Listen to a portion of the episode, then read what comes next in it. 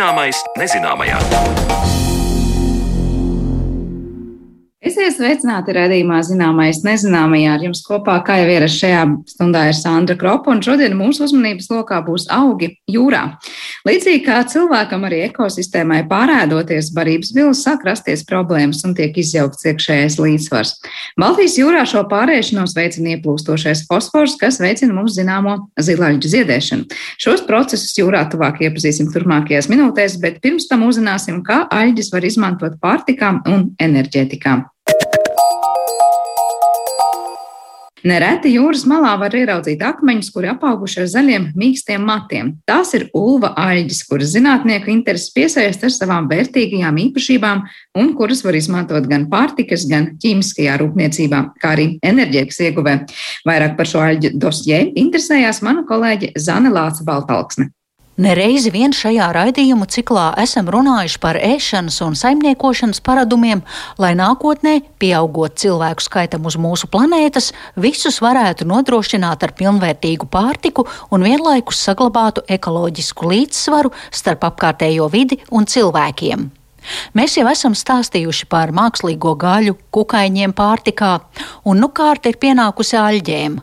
Kaut gan tas nav īsti korekti saukt šīs jūras zāles par jaunumu pārtikā, jo veikalu plauktos jau ilgstoši var redzēt jūras kāpostus, pārtikas produktu, kas ir iegūts no brūnaļģēm laminārijām. Tā kā pasaulē ir zināmas aptuveni 30 tūkstoši aļģu sugu, tad turpinājumā stāsts par zaļaļģēm, to vietu dabā, to audzēšanu un īpašībām. Zaļo jūras aļģu pasuga ulva aļģis mums ir pazīstams pēc izskata. Ja kaut reizi esam bijuši Baltijas jūras krastā un tur redzējuši akmeņus, kas ir apauguši ar tādiem kā gariem, zaļiem un mīkstiem matiem, tad ziniet, ka šie mati ir minētās aļģes.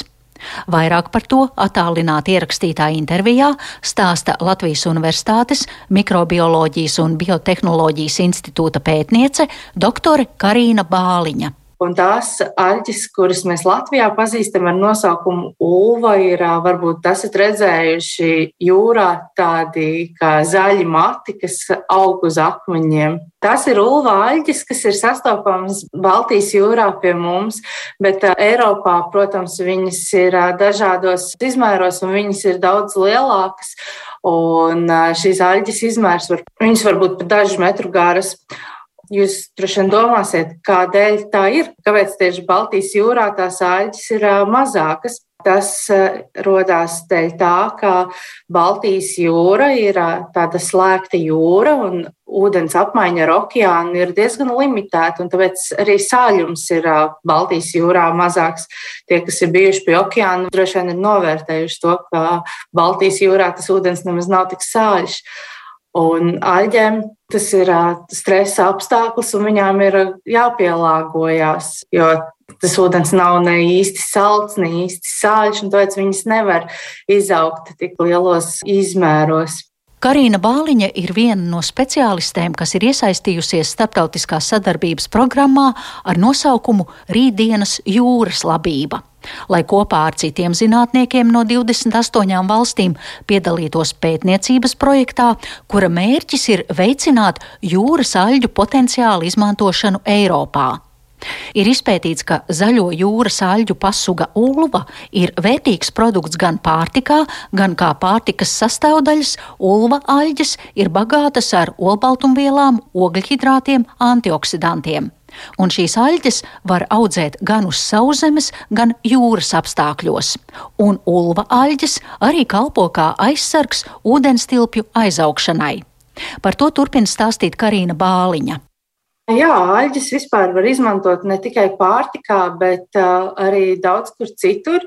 Un šajā gadījumā Ulus ģints aļģes ir izvēlētas kā modeļa organisms, kuru izmantot, lai apskatītu viņu gan bioloģiju, gan kultivēšanas iespējas, gan arī šos dažādos produktus, ko var iegūt no šīs sugas aļģēm. Un tas neaprobežojas tikai ar pārtiku, bet arī ar dažādām ķīmiskajām vielām, materiāliem, enerģijas iegūšanu. Un tā ir vesela vērtību ķēde ar produktiem, ko var iegūt no šīm tēļiem. Es saprotu, ka projekts ir tikai pašā sākuma stadijā, un vēl mēs nevaram runāt par šo ulva aļģu audzēšanu pie mums. Bet sakiet, kā tas ir citviet pasaulē? Eiropā ulva sugas aļģu audzēšana jau notiek, īpaši tādās siltākās vietās, Itālijas piekrastē, Grieķijā. Baltijas jūrā aļģu audzēšana ir diezgan sarežģīta. Bet vispār aļģis, viņas dabā ir pieejamas vairākos veidos. Viņas ir pieejamas gan savvaļā augošas, bet Baltijas jūrā šīs savvaļas aļģu pļavas ir aizsargājamas izskalotā veidā. Tas materiāls ir netīrs. Bet šajā projektā tieši mēs skatāmies uz aļģēm, kas tiek kultivētas. Un šī kultivēšana var notikt divos veidos arī. Viņa var notikt gan uz sauszemes, gan ūdenī. Uz sauszemes kultivēšana notiek tādos palielos baseinos, pārsvarā jūras tuvumā, lai var ūdeni arī ņemt no jūras. Un audzējot savvaļā, protams, tie audzēšanas apstākļi ir daudz kontrolējumāk. Var kontrolēt gan ūdens plūsmu, gan barības vielu pievadīšanu, ja nepieciešams, gan apgaismojumu, gan dažādus grauzējus var ierobežot. Savukārt jūrā aļģu audzēšana notiek pie tīkliem vai pie restēm. Nu, viņas tiek piestiprinātas, jeb uzsētas uz dažādiem materiāliem un iegremdētas jūras ūdenī, un tad nu, viņas tur auga ļoti līdzīgi tam procesam, kā tas notiek savvaļā. Un salīdzinājumā ar sauszemes augiem šīm āļģēm viņām nav nepieciešams ievadīt papildus barības vielas, jo viņas barības vielas uztver no jūras ūdens, kurš visbiežāk ir ļoti bagāts ar dažādām barības vielām, kas ūdenī ir saticējušas no lauksaimniecības zemēm. Zinot, ka aļģes aug galvenokārt ūdenī, bet ir arī tādas, kas uz koku mizas un uz klintīm aug, vai jūs, Karina, varat precizēt, kā un kādos apstākļos tad šīs aļģes tiek audzētas uz sauszemes? Uz sauszemes viņas tiek audzētas tādos baseinos, mākslīgos, tādos dīķos. Tur arī ir vairāki varianti. Vai nu viņas var tikt audzētas mākslīgi, sagatavotā jūras ūdenī, vai jūras ūdenī, kas ir pirms tam izfiltrēts un attīrīts no dažādiem piesārņojošiem elementiem.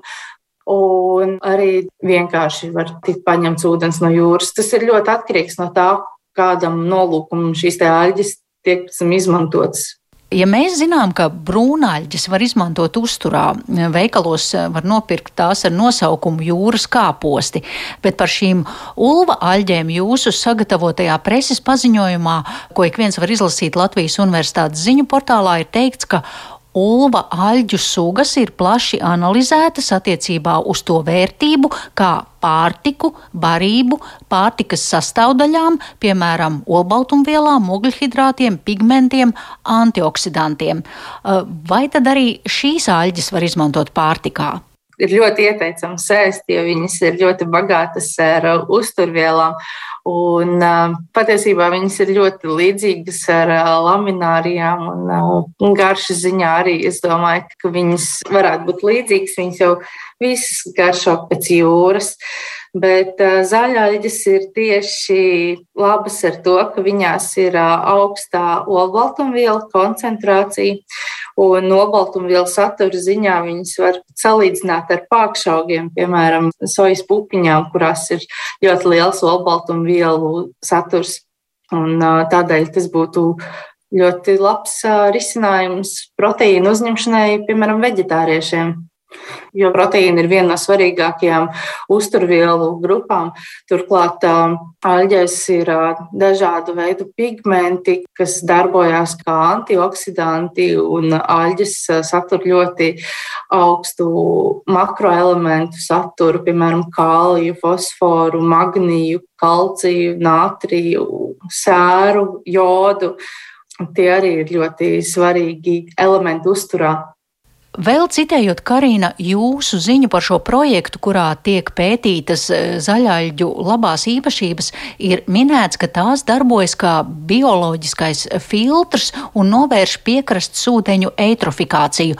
Tas ir ūdens kvalitātes pasliktināšanos. E, pastāstiet, kā tad e, zaļaļģes uzlabo ūdens kvalitāti?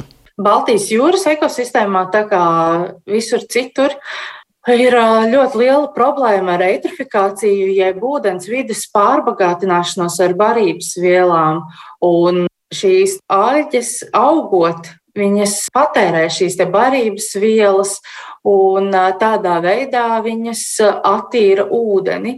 Un, Es esmu dzirdējusi par variantiem, kur var šīs aļģu audzētavas izvietot tieši pie tām vietām, kur upes ietek jūrā, jo šīs vietas ir visbagātākās ar barības vielām.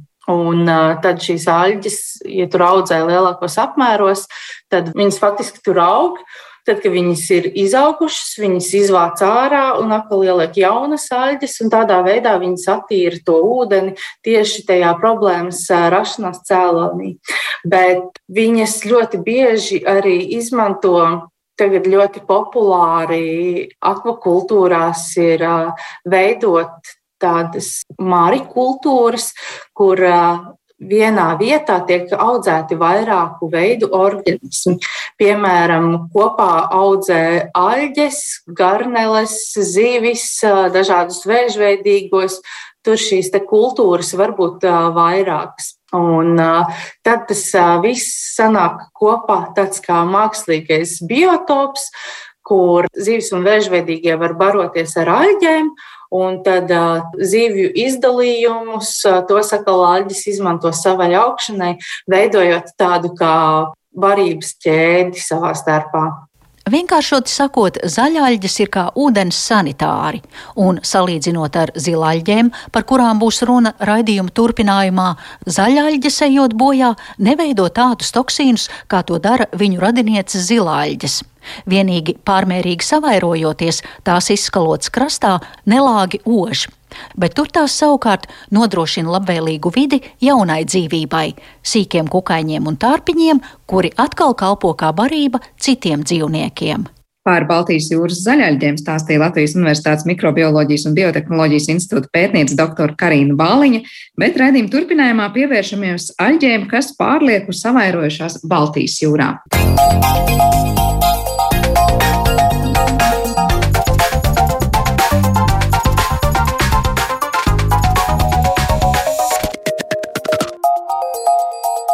Zināmais nezināmajā.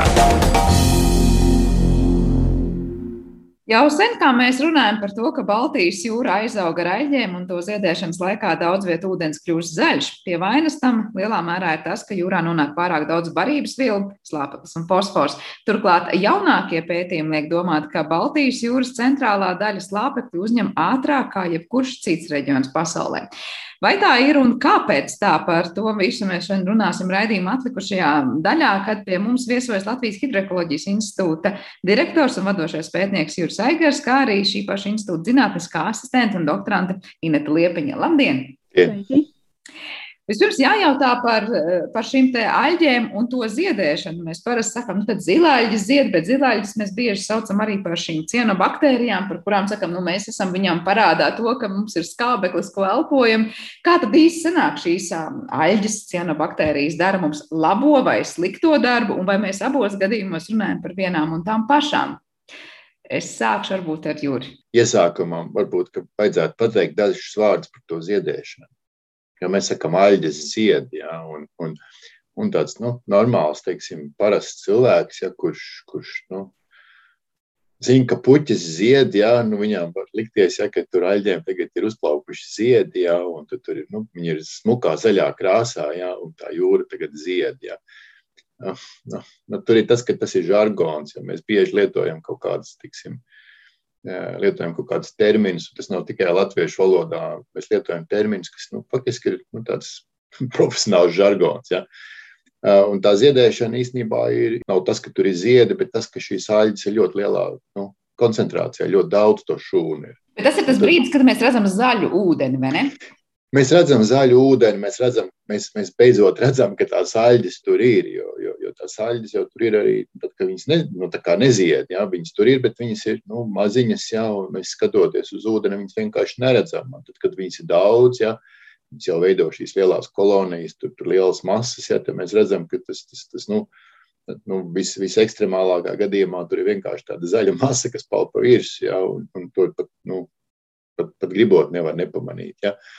Bet, un tad saka, jā, aļģes zied, ir aļģu ziedēšanas laiks. Jā, un, un, un, un, bet tā otra lieta, jā, kas, kas arī ir faktiski melns un balts, un tad ir kaut kāda, tiksim, pelēkā toņa. Jā, un es gribētu teikt, ka šeit ir vairāk runa par to, ka ir pelēkā toņa. Jā, ka, nu, nu, šīs aļģes nav sliktas un šīs aļģes nav labas. Jā, nu, ja viņi ir pārāk daudz, tad ir slikti, un ja viņi ir par maz, īstenībā arī ir slikti. Ja, jo, jo tas, ka mēs te vispār esam, ja, tas, ka mums vispār ir skābeklis, ko elpot, nu, tur mums laikam jāpasaka paldies šīm nejaukajām mazajām aļģītēm, ja, kuras bijušas. Ja, Pirms mēs vispār te parādījāmies, ja, droši vien būs ilgi pēc tam, ka mēs jau būsim kaut kur pazuduši. Ja, Un kas mums radīja apstākļus, lai mēs arī šeit varam mierīgi elpot, vai ne? Lai mums būtu jā, elpot. Jā, jā jo, jo, jo viņas piesaista slāpekli, kas ir, nu, barības viena no vielām, ja, kuru, kuru savādāk jūrā īstenībā nemaz tā nevar dabūt. Ja, un, un no otras puses, nu, viņas ģenerē skābekli, kas ir, teiksim, faktiski visas dzīvības pamatā. Ja, ir ļoti maz, kas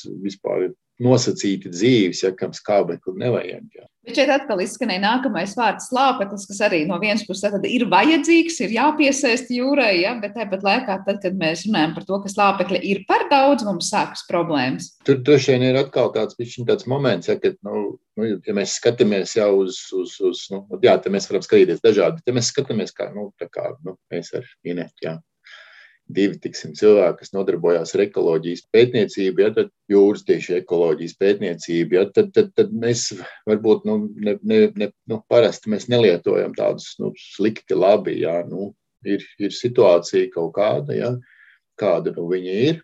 Un, un aļģis ir, nu, šīs, šīs zilāļas ir viena vien no, tām, no tiem organismiem, faktiski galvenais organisms jūrā, kas, kas var atmosfēras slāpekli transformēt teiksim, pārējiem organismiem pieņemamā formā. Ja, jo tas atmosfēras slāpeklis, nu, principā ir inerts, ja, nu, viņš neiesaistās daudzās reakcijās. Bet, bet tad, kad ir transformēts, ja, tad, tad, tad iesaistās. Un, un, un te ir tas moments, ja, kad, kad ja mēs nu, runājam par ekosistēmu kā tādu. Ja. Nu, man diezgan negribās parasti runāt par to, ka ir, ir, ir, ir labi vai ir slikti. Jā, es vairāk gribētu runāt par to, ir līdzsvars vai nav līdzsvars. Jā. Mēs citiem vārdiem, nu, cilvēku terminoloģijā, vai mēs esam nu, pārēdušies, vai mēs neesam pārēdušies, varbūt mēs esam izsalkuši. Jā. Mums gribās ēst. Jā, un, un, un, Un šis ir tas, šis tas moments, ja, kad, kad, kad šobrīd, ja mēs runājam par Baltijas jūru, nu, Baltijas jūra ir kārtīgi pārādusies. Jā, un, un ir, Kāpēc un ir slikti? Ja? Un, un ir slikti, jā, ir, ir šīs, ir šīs teiksim, negatīvās sekas, tur sapveideriņš, jā, tur, tur nu, slikta dušiņa, jā, vēl kaut kādas tādas lietas, jā, kuras nu, nāk kopā ar, ar pārēšanos. Jā, Inetē droši vien vēl ko piebilst, pirms mēs runājam par šiem pārēšanās, nu, var teikt, ceļiem, no kurienes šis slāpeklis nonāk par daudz, varbūt Baltijas jūrā. Vai Inetē ir kas piebilstams par to, kā mēs runājam, labs, slikts, melns valsts kontekstā par Baltijas jūru un šīm konkrētajām aļģēm? Jā, es varu pateikt, ka nu, kopumā jau to zilaiģu ciānu baktēriju mums ir bijis šeit sen bet ko, kas tiek novērots pēdējos gados, un, teiksim, salīdzinot ar 1979. gadu, kad, teiksim, Rīgas līcī un ziemeļu daļās nebija tik daudz tā skābu to zilāģu, un tagad viņas parādās. Mēs esam ne tikai pēduši, bet mē, mums tās pārēšanās sākās reģionos, kur tas iepriekš netika novērots. Un Rīgas līcis ir viens no šiem reģioniem. Kāpēc ir šis 79. tevis piesauktais gads kā kaut kāda robežšķirtne? Tad vienkārši parādās novērojumi, vai tad parādās kaut kāda aktivitāte Baltijas jūras krastos, kas vairāk liek tam slāpeklim tur nonākt, vai, vai tām aļģēm tur nu, ziedēt. Es jūri atvainojos par terminoloģiju, bet tomēr lietošu šo vārdu. Nē, nē, viss kārtībā. Nu, ziedēšana, nu, tas ir tas, kā, nu, ja, ja nu, visi to lietojam, mēs ar to lietojam. Vienkārši tas, ka, nu, lai, lai varbūt cilvēkiem, kas nav, nav bijuši līdz šim, nu, tādī, nu, sarunā iekšā, kas, kas te, nu, varbūt klausās par šīm lietām pirmo reizi, jā, nu, lai, viņi, lai viņi saprotu, ko to gribam pateikt. Jā. Bet, bet tur ir, nu, es domāju, ka tur ir abas lietas, jā, jo nu, nu, ir tā, ka, kad, kad, kad nu, visbiežāk kaut kādos novērtējumos saka, ka nu, kopš 1900. gada nu, slāpekļa koncentrācija tur ir pieaugusi tik reizes, un fosfora koncentrācija ir pieaugusi vēl, vēl kaut cik reizes. Ja? Bet, ja paskatās nu, reāli uz to, to, to pieauguma līkni, ja, nu, tad tas pieaugums jau īstenībā sākās. Nu, tāds lielāks, stāvāks pieaugums sākās pēc otrā pasaules kara. Nu, diezgan kardināli mainījās eh, nu, daudzas lietas. Jā, mums parādījās intensīva lauksaimniecība, mums parādījās intensīva urbanizācija. Ja, tad, tad, nu, viss, viss tas procesi, ja, kas mums šodien ir ikdiena, ja, nu, nu, palielam viņi tā kā intensīvi sāka, sāka veidoties pēc otrā pasaules kara. Un, un, un tur kaut kāda inercija bija. Un, nu, un tad, tad, kad, tad, kad aptvēra, ka vairs nav labi, ja, tad, tad, arī, tad arī sāk intensificēties kaut kāda novērojuma jūrā. Un tie ir šie 70. gadi. Jo, ja, ja nu, skatās uz kaut kādiem, nu, ir pieejams arī senākas teiksim, publikācijas no kaut kāda 50, kaut kura tur gada 54. vai kam es neatceros precīzi, man ar gadiem ir problēmas. tad, tad tur ir tādi nu, tā fragmentāri novērojumi. Ja, tā kā pirmie, pirmie nu, nu, tur, tur ir tādi sistemātiski nu, pētījumi jūrā jau ir bijuši stipri, stipri senāki, bet tie ir bijuši vēl tādi, vairāk tādi, nu, šodien to sauc par hobiju līmeni. Ja. Bet eh, man liekas, ka ieskicējām patiesībā to nonākšanu Lekavas lāpekļu ceļus jūrā, te intensīvā lauksēmniecība tika pieminēta. Tad var teikt tā pavisam vienkārši, ka ir divi tādi galvenie ceļi tam slāpeklim. Viens ir no lauksēmniecība, tur notekūdeņi un viss tas, kas nāk no sauszemes, un otrs ir tas, kas nāk no atmosfēras un no paša gaisa jūra paņem šo slāpekli. Tieši attiecībā uz Baltijas jūru pat uh, tās aplēses šobrīd ir tādas, ka atsevišķos reģionos tas, ko ar upēm ienes, varbūt pat līdzvērtīgā uh, daudzumā, kā to paņem pašas āļģes un ražo iekšēji. Ir, ir tāds termins pasaules okeāns. Uh, un, un, un, un tur parādās tiksim, ļoti interesantas lietas, ja tādā ziņā, ka ir, ir, ir pētnieki, kas strādā par šiem lielajiem okeāniem. Ja, un, un, Un, un viņiem šīs aļģes ir, ir, ir, ir šis slāpekļa resurss, šis slāpekļa avots. Ja? Tā kā mēs sākam skatīties uz, uz, uz, uz nu, ieslēgtām teritorijām, kā Baltijas jūra, ja, tad tas, kā runā par šīm aļģēm, ir savādāk. Tur runā par šīm aļģēm kā par problēmu, nevis kā par resursu. Ja. Un tas ir nu, savā ziņā ļoti interesanti, jo nu, vienlaicīgi akadēmiskā vidē ir, ir divi, šie, nu, divi šie virzieni. Ja. Var teikt, tur, kur Baltijas jūra, tur problēmas, un citiem savukārt jā. tas ir resurs. Un tur, Bet... kur ir klusais okeāns, tur ir resurs. Jā.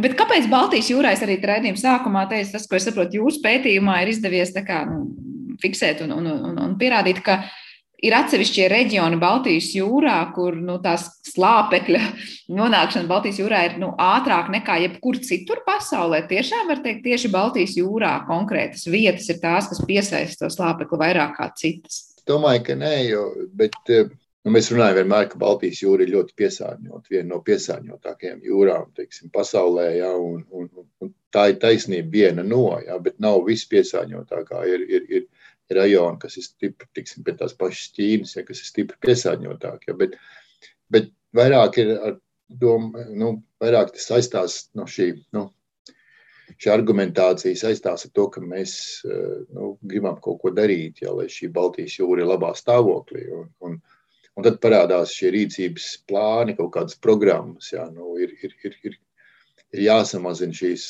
šīs slodzes, ir jāsamazina šis slāpekļu un fosforu apjoms, kas nonāk jūrā. Un tur neizbēgami nonāk pie, nu, pie tādas teiksim, situācijas, kad nu, varētu vēlēties samazināt tikai slāpekli, ja, bet tas ir bezjēdzīgi. Ja, ja mēs samazinām tikai slāpekli, ja, šīs aļģes, šo slāpekli paņems no atmosfēras. Viņām, viņām nav nepieciešams sauszemes slāpeklis. Ja, un, un mēs ieguldot kaut kādus līdzekļus, resursus, pie tam lielus, ja, būvējot attīrīšanas iekārtas, kas būtu tikai uz slāpekļa, ja, mēs būsim pa tukšu iztērējuši naudu. Bet, ja mēs attīrīsim un samazināsim ne tikai slāpekli, bet arī fosforu koncentrācijas, tad būs jēgas, un tad mēs varēsim teikt, Jā. Jā, jā, jā. Kur ir atšķirība? Varbūt pavisam vienkārši, kas nav ar ķīmiju un, un hidrobioloģiju. Nē, nu tāpēc, ka tie ir divi pamatbarības elementi - fosfors un slāpeklis. Un fosforam nav atmosfēras komponentes. Fosfors nāk nu, faktiski ekskluzīvi tikai no sauszemes. Ja.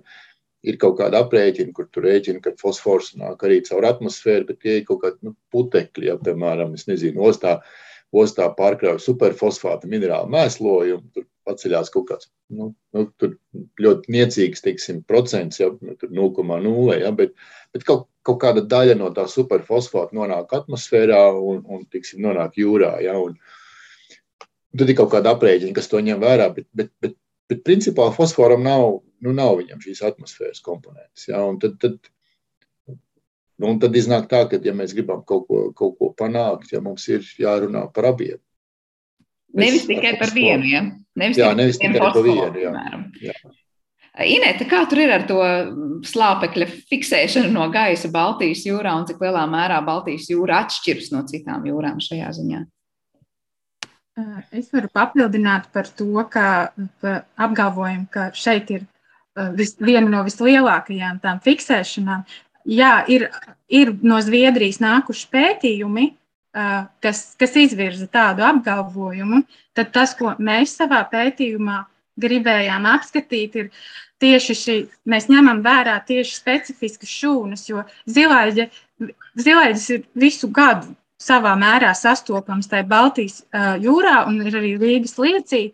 Un tad uh, šīs te uh, zilaiģis, viņas uh, to fiksēšanu neobligāti veids, jo tam ir nepieciešams specializētas šūnas. Uh, Tad tas, ko mēs darām, ir mēs, mēs arī savā pētījumā iekļāvām to aspektu, skaitīt un me, meklēt to šūnu daudzumu, un tādā veidā to skaitli varbūt nu, vairāk tuvāk tam mm, reālā, reālajam, nevis tikai tīri pieņemt, ka biomasa, kas uh, ģenerē visu gadu šo slāpekli vai arī konkrētā periodā, piemēram, vasarā, bet ņemt vērā, ka šīs šūnas specializētās uh, Baltijas jūrā sastopamajās cienobaktērijas sugās, ka tās šūnas, uh, tam arī ir sava dinamika. Un kad šīs šūnas parādās, mēs varam runāt par šo fiksēšanu, varam mērīt šo fiksēšanu, bet, kad šo specializēto šūnu nav mums biomasā, tad varbūt tā fiksēšana nenotiek, un šie skaitļi, neņemot vērā šīs šūnas, nu, tiek varbūt nu, tāda inflācija notiek tai fiksēšanai. Tātad, jā, īstā atbilde ir, ka nu, ir autori, kas uzskata, ka ir ļoti liela fiksācija, nu, tad mēs mēģināsim pietuvināt to skaitli. Es gribēju, varbūt pavisam vienkārši turpināt, neejot detaļās, saprast, Tas, ko jūs pētījāt, Ina, tikko teicat, ir bijuši zviedru pētnieki jau kaut kādu apgalvojumu par to slāpekļa fiksāciju konkrētos reģionos. Jūs skatījāties to tieši tajos reģionos, vai tuvāk tā kā Rīgas līdzīgi kaut kur mūsu teritorijā? Kas ir tas, ko jūs pētījumā darījāt atšķirīgi no citiem? Nu, te varbūt ir, nu, es iesākšu, varbūt Inet turpinās, jā. Nu, nu, ir tā, ka, ka zviedru pētījumi, viņi, viņi vairāk ir, ir, ir nu, tur, kur arī tās lielās fiksācijas kaut kādas ir. Nu, gan, gan viņi, gan mēs, mēs mēram šo fiksācijas ātrumu. Ja? Jo tas, ko Inês minēja, ir tas, ka nu, ir, ir otra prakse, kur vienkārši paņem šo biomasu, ja? un pēc tam no publikācijām paņem šo ātrumu, ja? un, un, un vienkārši sarēķina. Ja? Bet tas ātrums jau ir mērīts kaut kādā konkrētā mēnesī, ja kaut kādā konkrētā datumā, ja, kad ir bijuši konkrēti apstākļi. Ja. Tā biomasa jau ir arī tad, kad šie konkrēti apstākļi neizpildās. Ja. Un viens no tādiem nu, konkrētiem apstākļiem, kas, kas, kas mums likās ļoti būtiski, ir, nu, ja, ja zviedrūdeņos, piemēram, 80% no biomasas ir šīs zilā, zilāļas. Ja nu, 20% kaut kādas citas, citas sugas. Ja. Tam mūsu gadījumā šī proporcija ir, ir savādāka. Ja, mums var būt kaut kāda 30%, 40% tikai zilāļas. Ja. Un tad vienkārši paņemot šo biomasu, ja, vai, mēs, vai mēs nekļūdāmies, ja, vai, vai, vai, vai nav tā, ka, ka tie apstākļi, kas, kas ir nu, Rīgas līcī, ja, ka, vai nav tā, ka viņi, viņi vienkārši nu, neveicina šo fiksāciju. Tam zilāģiem varbūt nav nepieciešams fiksēt. Ja.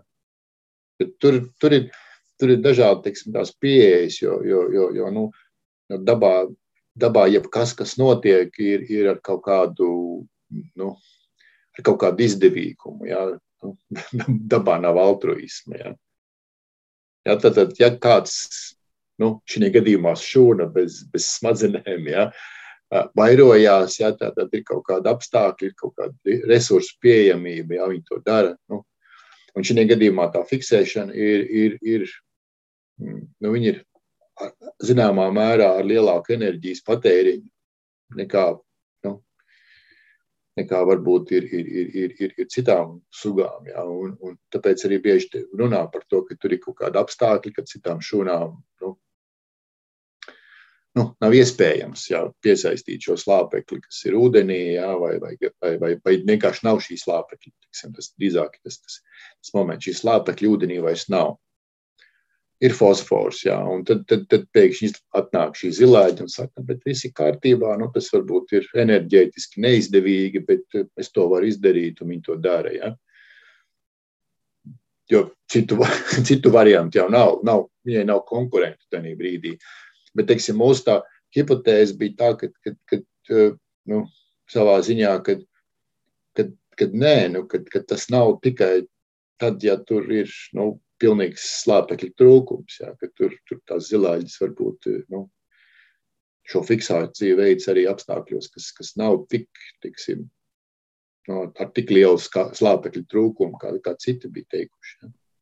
Bet ko tas viss, droši vien, var papildināt, nozīmē jūrā dzīvojošiem organismiem? Tagad viss tas, ko Juris stāstīja, kas no tā tālāk notiek visā tajā ķēdītē, kas ekosistēmā pēc tam ir jūtama? Tad vairāk zilāļu kas vairāk fiksē, nozīmē vairāk slāpeklis sistēmā nonāk. Un, nu, tas viss sasietinās kopā ar šiem eitrofikācijas procesiem un šīs zilāļu aizaugšana, nu, zilāļu papildināšanās un, un šie, šī antropogēnā palīdzība, tas, protams, nav nekas labvēlīgs mums. Nu, liek, tas ir tas līdzsvars, kas tiek izjaukts. Ja tiek šis slāpeklis tiek papildus vēl sistēmā tiek ģenerēts, tas ir tas līdzsvars, kas izaug. Zilēdis pašas par sevi, teiksim tā, nu, maziem, maziem organismiem, kas ēd, nu, viņas īsti garšīgas, varbūt ne visos gadījumos, un nebūs tas pirmais ēdiens, ko labprāt ēdīs. Bet uh, jāatcerās, ka uh, daudz baktēriju mīt un, un citā veidā tas, šis slāpeklis tiekot, nonākot šajās ūdens sistēmās, kad nu, ir labas iespējas tam arī tur palikt. Tā tad papildus bagātināta tiek šī sistēma. Tur īstenībā nu, mēs teiksim, veicam to eksperimentālo darbu. Tur, tur ir, tur ir diezgan, diezgan dinamiski, ja, jo, jo nu, mums tā kā tā, ka mēs to, to, to šūnas eksponējam 12 stundas, ja, jo, jo, jo viņas ļoti ātri uzņem, ļoti ātri arī izvada. Bet izvada jau nevis vairs kā atmosfēras slāpekļi, bet izvada jau kā, kā teiksim, nitrātus vai amoniju. Ja, un, un, un faktiski izvada kā amoniju, tas tur kā transformējas par nitrātiem, bet tas nav svarīgi. Viņi tā kā nu, izvada faktiski minerālās formas, ja, un, un, un, un tas dod iespēju citām sugām attīstīties. Ja viņām bija deficīts, un tagad viņām ir starpnieks zilāļģis, ja, kas e, nu, piegādā, ja, un kopējā biomasa iet uz augšu. Par tām citām sugām mēs runājam par citām aļģiem vai citām nu, tādām nu, nosacīt līdzsvaru jaucošām sugām ārā? Nē, vienkārši cit, citas aļģu sugas. Jā. Tur, tur ir gan kramāļģis, gan, gan vienai varbūt labāk var pateikt, bet, teiksim, nu, principā ir citas aļģu sugas, kuras, nu, nu, viņas nevar fiksēt šo atmosfēras slāpekli. Ja, bet, ja viņām parādās starpnieks, ja, kas, kas, kas transformē, pārveido ja, atmosfēras slāpekli par, par viņām piemērotu, nu, viņas viņu patērēs, protams. Ja. Kāds ir tas jūsu eksperiments vai, vai tas pētījuma pats la, process, ko jūs darījāt un kur jūs darījāt? Vai tas ir kaut kur pie skultas ostas, jūs vairāk ko pētījāt? Vismaz es tādu lasīju lietu, vai esmu ko sajaukusi? Jā, tas bija skultas ostas ūdeņos. Mm mēs devāmies tādās skaistās, labās dienās, kad mēs varējām, nu, kad mēs bijām pārliecināti, ka to aļģu uh, bū, būs virspusē mums pieejamas. Un uh, tad, kad mēs ieradāmies, tad vispirms mēs savācām paraugus, lai nu, pateikt, zinātu jau iepriekš, nu, saskaitītu, kas tad mums tur ir par sugām, kādas zilaiģis, kādas citas sugas dzīvo. Un uh, tad paralēli šis ūdens tika vākts, un atsevišķos dziļumos mēs atstājām uh, šo ūdeni inkubēties uz šīm uh, 12 stundām, kur tā, tur jau tālāk tika pievienots nu, šiem paraugiem izotopu slāpekļi. Tas jau tā ļoti specifiski, bet, nu, uh, lai apmēram pasta, dotu virzienu, kāda mums bija tā metode, un pēc tam mēs. Uh, pēc šī eksperimenta mēs mērījām nu, to izotopu atšķirību, jo ir ir, ir slāpeklim ir tie nu, dažādie tie izotopi, un tad mēs zinājām, cik dabā mums ir no, no tā, ko mēs no rīta paņēmām. Un tad mēs zinājām, cik pēc tam 12 stundām, kāds ir tas pieaugums izotopam, vai ir, vai ir palielinājies, vai ir palicis tas pats, vai ir krities. Un tad mēs pēc šiem rezultātiem varējām tālāk spriest par to, cik aktīva ir šī slāpekļa uzņemšana tajā, tajā sezonā, pie tādiem apstākļiem, ņemot, protams, vērā visus ķīmiko, ķīmiskos un fizikālos parametrus, kas tajā brīdī bija šai, nu, šajā vietā nomērīti. Kas ir tas, ko no jūsu pētījuma rezultātiem tālāk praktiski var likt lietā, vai kā tas nu, tiks liks lietā, vai jūs saredzat, ka tur ir kaut kādi konkrēti pasākumi, kas tiks mainīti, kā vispār veidot kaut kādu apsaimniekošanas stratēģiju krastā vai jūrā, un, un ko un kā darīt, lai mēs, nu, var teikt, nenonāktu, kā jūras sākumā raksturoja tā, ka tā jūra ir pārēdusies un vēders sāp. Ne, nu, principā tas ir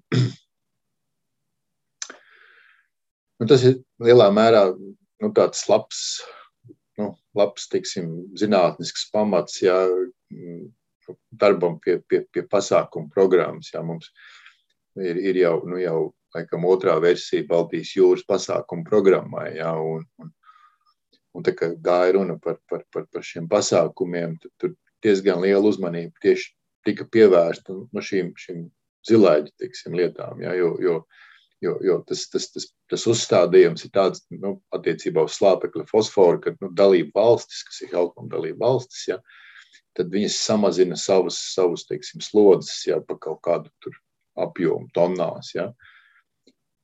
Un, un, un, un, un, nu, nu, tas nezināmais ir, ir cik, cik lielā mērā nu, šīs zilaiģis ja, nu, kompensēs kaut kādus samazinājumus. Ja, un, un tur, tika, tika modelēti vairāki scenāriji, ja gala rezultātā nu, pie, pie, pie, pie, pie pasākuma programmas, jā, faktiski gala versijas tur palika viens, jā, bet, bet tad, tad no apspriešanas stadijā tur bija vairāk. Jā, un, un, un, un tur, tur tieši parādās šis moments, ja, nu, kā modelēt, ja, uz kā balstīties, ja, kā, kā rēķināt. Ja, un, un, un šī biomasa ja, ir tas, nu, kas tiek izmantots ja, modeļos. Ja, bet, bet kā mēs runājām, jau šī biomasa ir nu, pietiekoši korekts, ja, jo, jo varbūt, mēs, nu, varbūt, mēs pārvērtējam šo, šo aļģu tiksim, kapacitāti.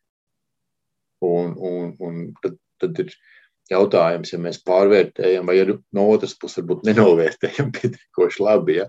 Bet, bet tur varbūt uz abām pusēm ja? mēs varam nu, ieviest pasākumus, kuri īstenībā varbūt nav bijuši vajadzīgi, bet kas ir izmaksājuši krietni tiksim, daudz naudas. Ja?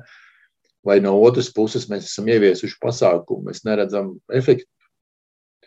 Un, un, un iedzīvotāji ļoti pamatot saka, ko, ko jūs vispār domājāt, ka jūs to pasākumu izstrādājāt. Ja? Vai, nu, nekas jau nemainās. Ja? Mēs te ciešam ja? kaut kādus ekonomiskos zaudējumus, jūs sakat, ka nekas nemainās. Ja? Jēga no tā nekāda, vai ne, Jūrai? Jā. Bet kas notiek tālāk? Es saprotu, pētījums ir beidzies, vai tas ir vienkārši kādā no stadijām, kurā jums ir pirmie rezultāti, un viss vēl tikai notiks? Inet, varbūt var pastāstīt sīkāk. Apmēram vidū, teiksim tā, jo šogad mēs veltījām mm, vairāk tiem izbraucieniem un eksperimentiem dabā, lai gūtu to priekšstatu, kas notiek, kas notiek īstenībā, kas notiek dzīvēm.